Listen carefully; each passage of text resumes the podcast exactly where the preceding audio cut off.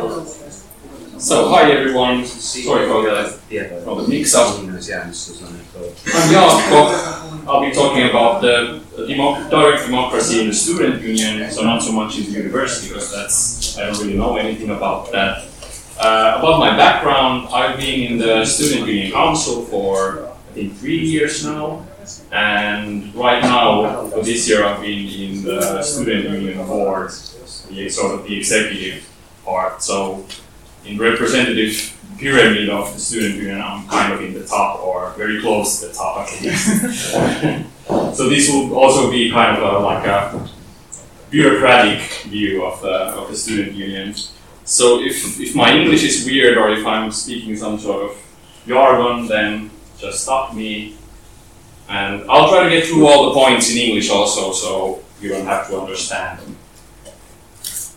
So first I'll have a few comments on the on my view of the current situation in the student union and about its democratic sort of uh, state. I would say that there is a sort of crisis of representation in the in the student union. Some people don't think there is, but uh, I sincerely think there is. The the voting percent of in the in the student union council elections has been 30% for the last I think 20 or 30 years. In the it, it dropped from about 60 or 70 in the in the 60s or 70s at its at its peak. After that, it, it's been teetering on barely on 30%. And the national average, that is uh, the, the voting percent in other student unions around Finland, is about 25%. So it's even worse over there. And the, the 30% is also often in the sort of like who elite uh, discourse. It's being uh, explained away that oh, it's uh, that's about about only the 60% of the people of the members of the student union are active students. That's there's something like uh, 15,000 people who go to Unicafe every day, and they're active students, and most of them vote. So there's really no problem. The real vote, voting percentage is in 50 or 60 but I think it's that's not a credible explanation, and certainly it's not. It doesn't defend the the, the very low voting count. Then uh, the student union is not really talked about anywhere. There's there's uh, very little that a member of the student union can do to find out what his or her represented, uh, rep- representatives do when they're in the student union council or on the board. Uh, Ylioppilaslehti, sort of student union uh, newspaper, used to make do some sort of journalism, some sort of critical journalism on the student union politics, but nowadays it's just it's mostly a, a lifestyle magazine for the petit bourgeois, which has, which has really no connection to the to the student union itself. So as a result, no one really knows what happens in the student union, and no one cares.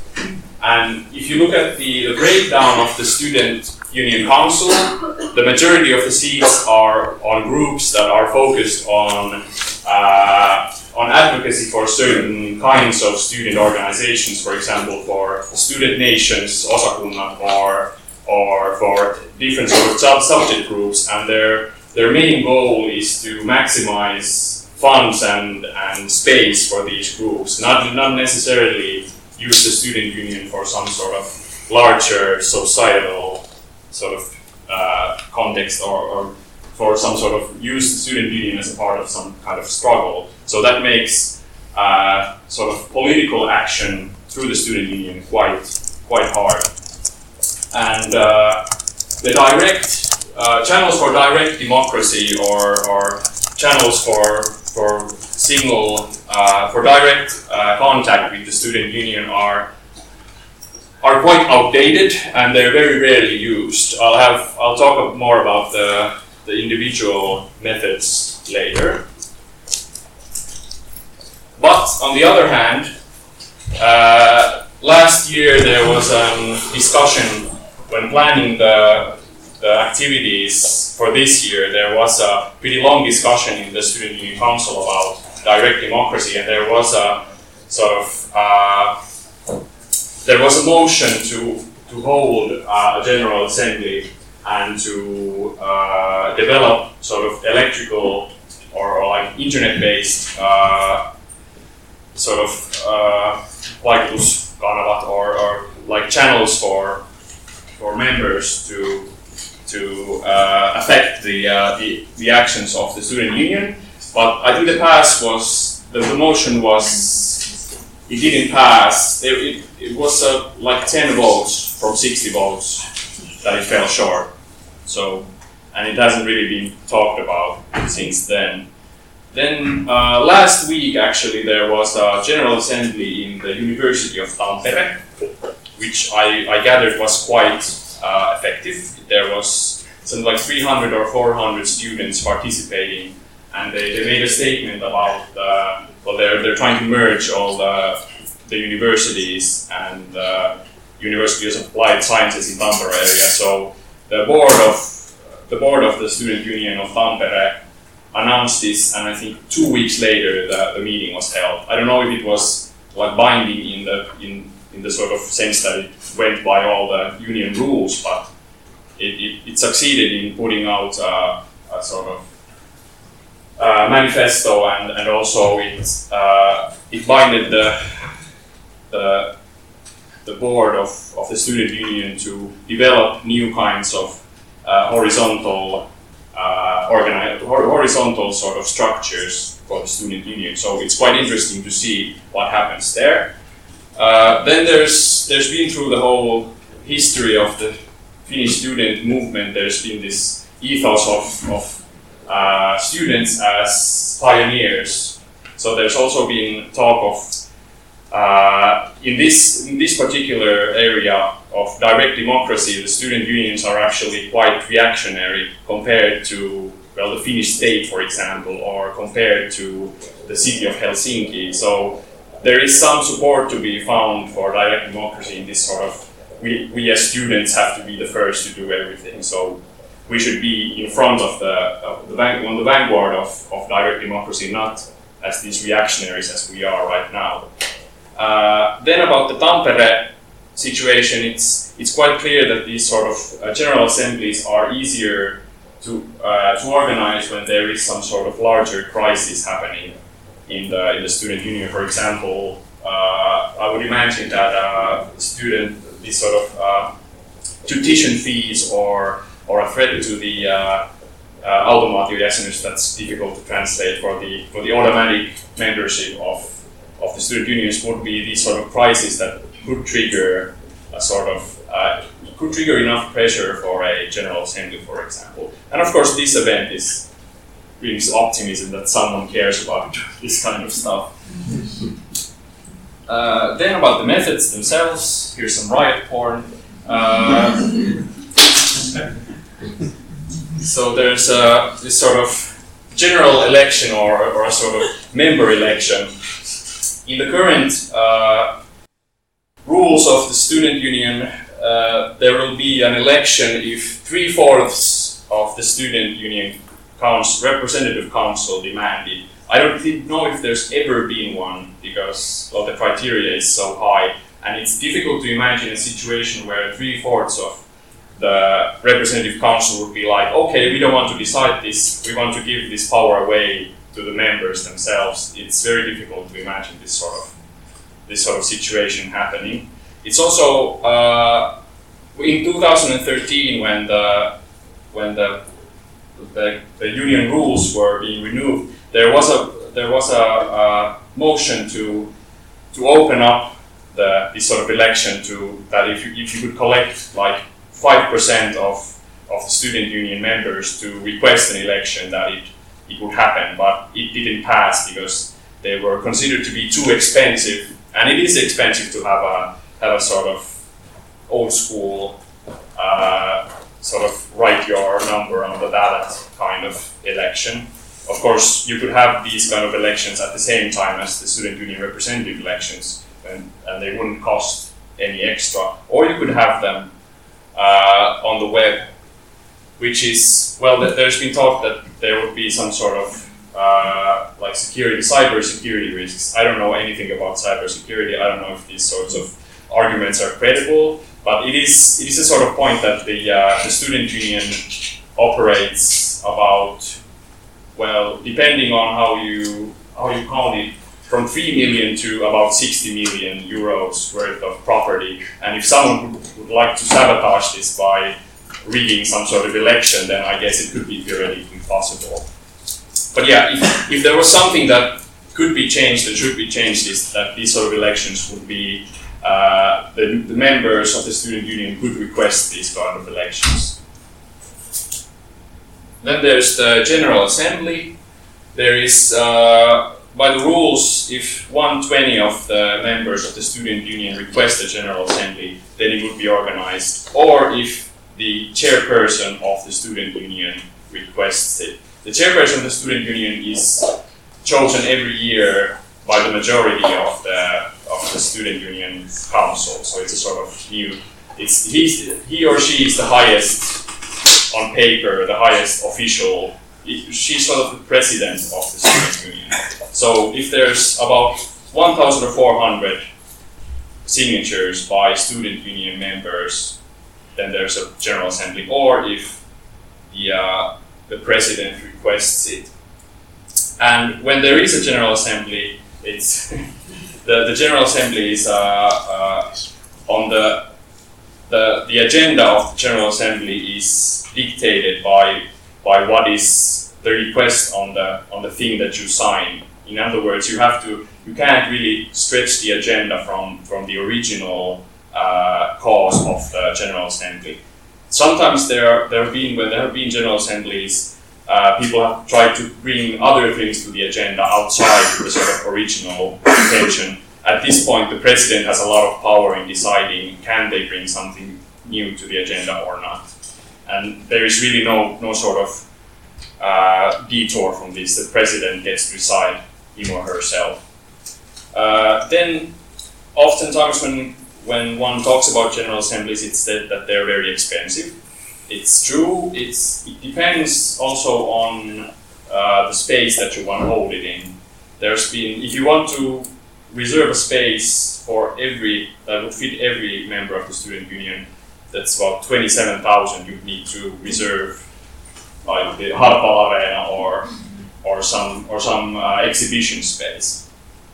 But if you want to I think the last uh, the last General Assembly in '99 was held in the big uh, the, the, the biggest room in the university, the old Juhlasali, which didn't really cost much. Of course, there is uh, there is how to how to get the word across to the members. It's it's possible to send a piece of mail to every like paper mail to every member of the student union, but it costs a lot of money. But it's possible.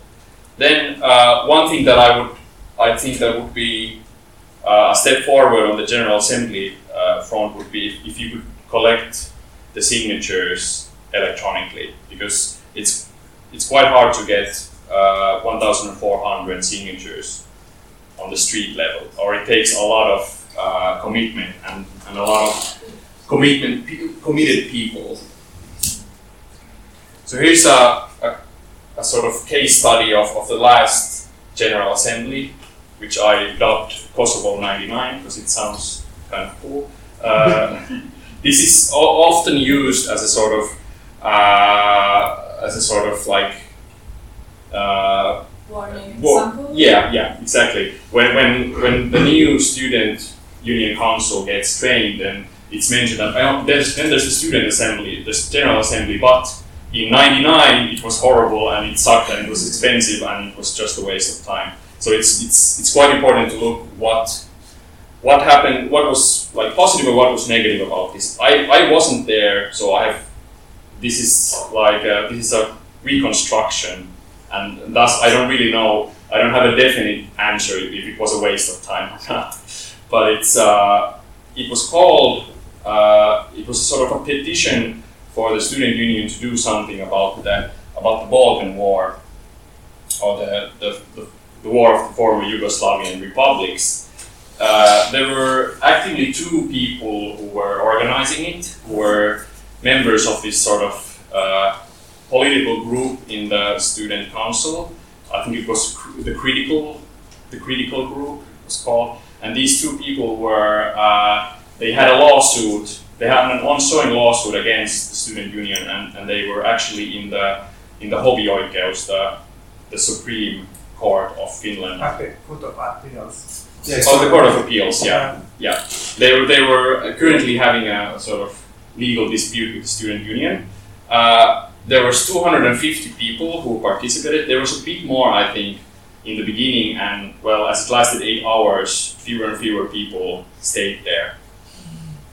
Uh, and there were some like concrete uh, resolutions. There was a there was a resolution to, the, or there was this sort of uh, there, there was this sort of manifesto to uh, sort of condemn all war activities on the Balkan. Then there was a condemnation of uh, the civil rights situation in Turkey. Then there was a sort of statement to support the Jubilee. It was it was this sort of alter globalization uh, sort of debt, the third world debt, uh, sort of yeah, that sort of thing. And, and then there was a statement to support same-sex uh, marriages and same-sex adoption. And well, in the aftermath, there was a lot of writing on the Ylioppilaslehti about this. It was called uh, an election stunt because one of the organizers was up for election about a few months later. Uh, it was called a farce because it lasted for eight hours and, and it was considered that the, uh, the results were quite, quite slight. There, there was, a, I think, a flea market and a, and a clothes collection campaign that was organized afterwards for the Balkan uh, refugees, which I guess is something. And then there was the organizers defended it as a as a way to sort of fix the uh, the huge democracy deficit in, in the student union. And there's also this third thing, there's the uh, member initiative, which is uh, is not really direct democracy in the in the tightest sense. Uh, it's uh, if if an organization's an organization or 30 members of the student union ask something to be put on the agenda of the uh, the student union council, then it's put there. And when I've been in the in the council, there have been two two initiatives uh, which were both concerning organizations in different uh, student union owned spaces, and they were both voted down. I think I think there's first a vote that uh, about will will the student union will the will the council even process these, and they, they usually get voted down at that point. We will not even process. We, we, we it's it's I think it's comparable to the to the new uh, citizen initiatives in the Finnish state that they, they get stuck in some sort of bureaucratic limbo and then they're forgotten about. And yes, finally, I found this great picture. When you put Google with student uh, student politics, it shows this weird picture with Niccolo Machiavelli in the middle, and then these sort of Disney characters doing different stuff. I think it's quite it's quite accurate. so about the economy, because that's all. When you talk about direct democracy with some student union active, he the, the question of economy always comes because it's so expensive to hold these sort of direct democratic things. So uh, here's a rundown on the on the current budget. Uh, the council gets about twenty thousand dollars, twenty thousand euros a year. Those are mostly for for space rental and stuff like that. And every second year during the uh, during the student union council elections, there's about seventy thousand euros used for that. It's mostly for uh, well, for the people you need to hire to organize these kinds of elections. Then for a general assembly, in the 90s, it costs about 30,000. But I think if you really like to hold uh, a proper General Assembly, which would need to, you need to get at least half of people theoretically to, or you should prepare for a much larger assembly, it would cost a bit more. Plus, this is this was in the I I uh, changed it up from the Finnish marks, so I don't know if the if, if six marks are one euro still. There's probably some inflation, but that's a that's an approximate number.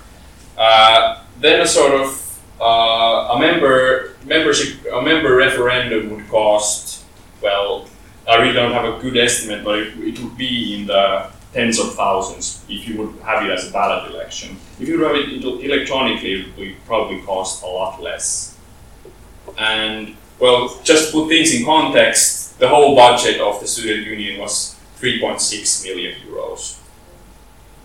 So you would you you would probably if you would well it depends on how you organize it. You would probably be you would afford to have a direct democracy uh, uh, especially if you would for example raise the student membership fee or or then cut some some current cut a bit from the current action. And there's a few things to think about. These are sort of cynical statements coming from an old old active uh, these sort of direct methods are, it would take, I, I would uh, assume that it would take a long time for students to really get to know them and use them properly. And also they are, it's easy to take advantage, or I don't know it's easy, but it's, I would imagine that for the first few general assemblies, they would be, uh, the current political groups in the, in the council would probably uh, well, encourage as most as most possible their actives to participate, and then they would act as these sort of uh, well, these sorts of student council like jatkes or or this sort of uh, it would it would act as this sort of uh, Continuation. continuation of, of yeah the council on council politics before the like real members would find these sort of these sort of uh, methods then uh, it would require the whole student union, especially its sort of it's it's the the people who work there and the sort of and the, the board would need to be the method that it, it, it operates would need to be thought out in a whole different way and it would probably take up resources for years if it, if it would if we would like it to succeed in some sort of uh, some sort of fruitful manner. And also, if you'd only have these sort of general assemblies that would, at best, probably meet once in two months or once in a month, it's uh, uh, I would imagine that it would be difficult at first to to uh, uh to prevent a lot of power from uh, sort of centralizing into, for example, the people who work at the student union who spend every day in the student union office if there's only one sort of uh, if, if there's some sort of uh, oversight only once in a few months, it would probably give give room for all sorts of well, all sorts of abuses of power, and especially with the general secretary, I would I would imagine without some sort of strong representative uh, body to oversight his or her work, there would be a lot of room for for all sorts of interesting things. And of course, the sort of final point is if, if everyone in this room would commit to sort of fighting towards this goal, it would probably take quite a lot of energy and quite a lot of time. And well, this is sort of an open question: Is it worth it? Is it worth to have one student union that would operate in on direct democracy? Is that sort of the thing that we want to focus our resources in? But it's possible, I would say.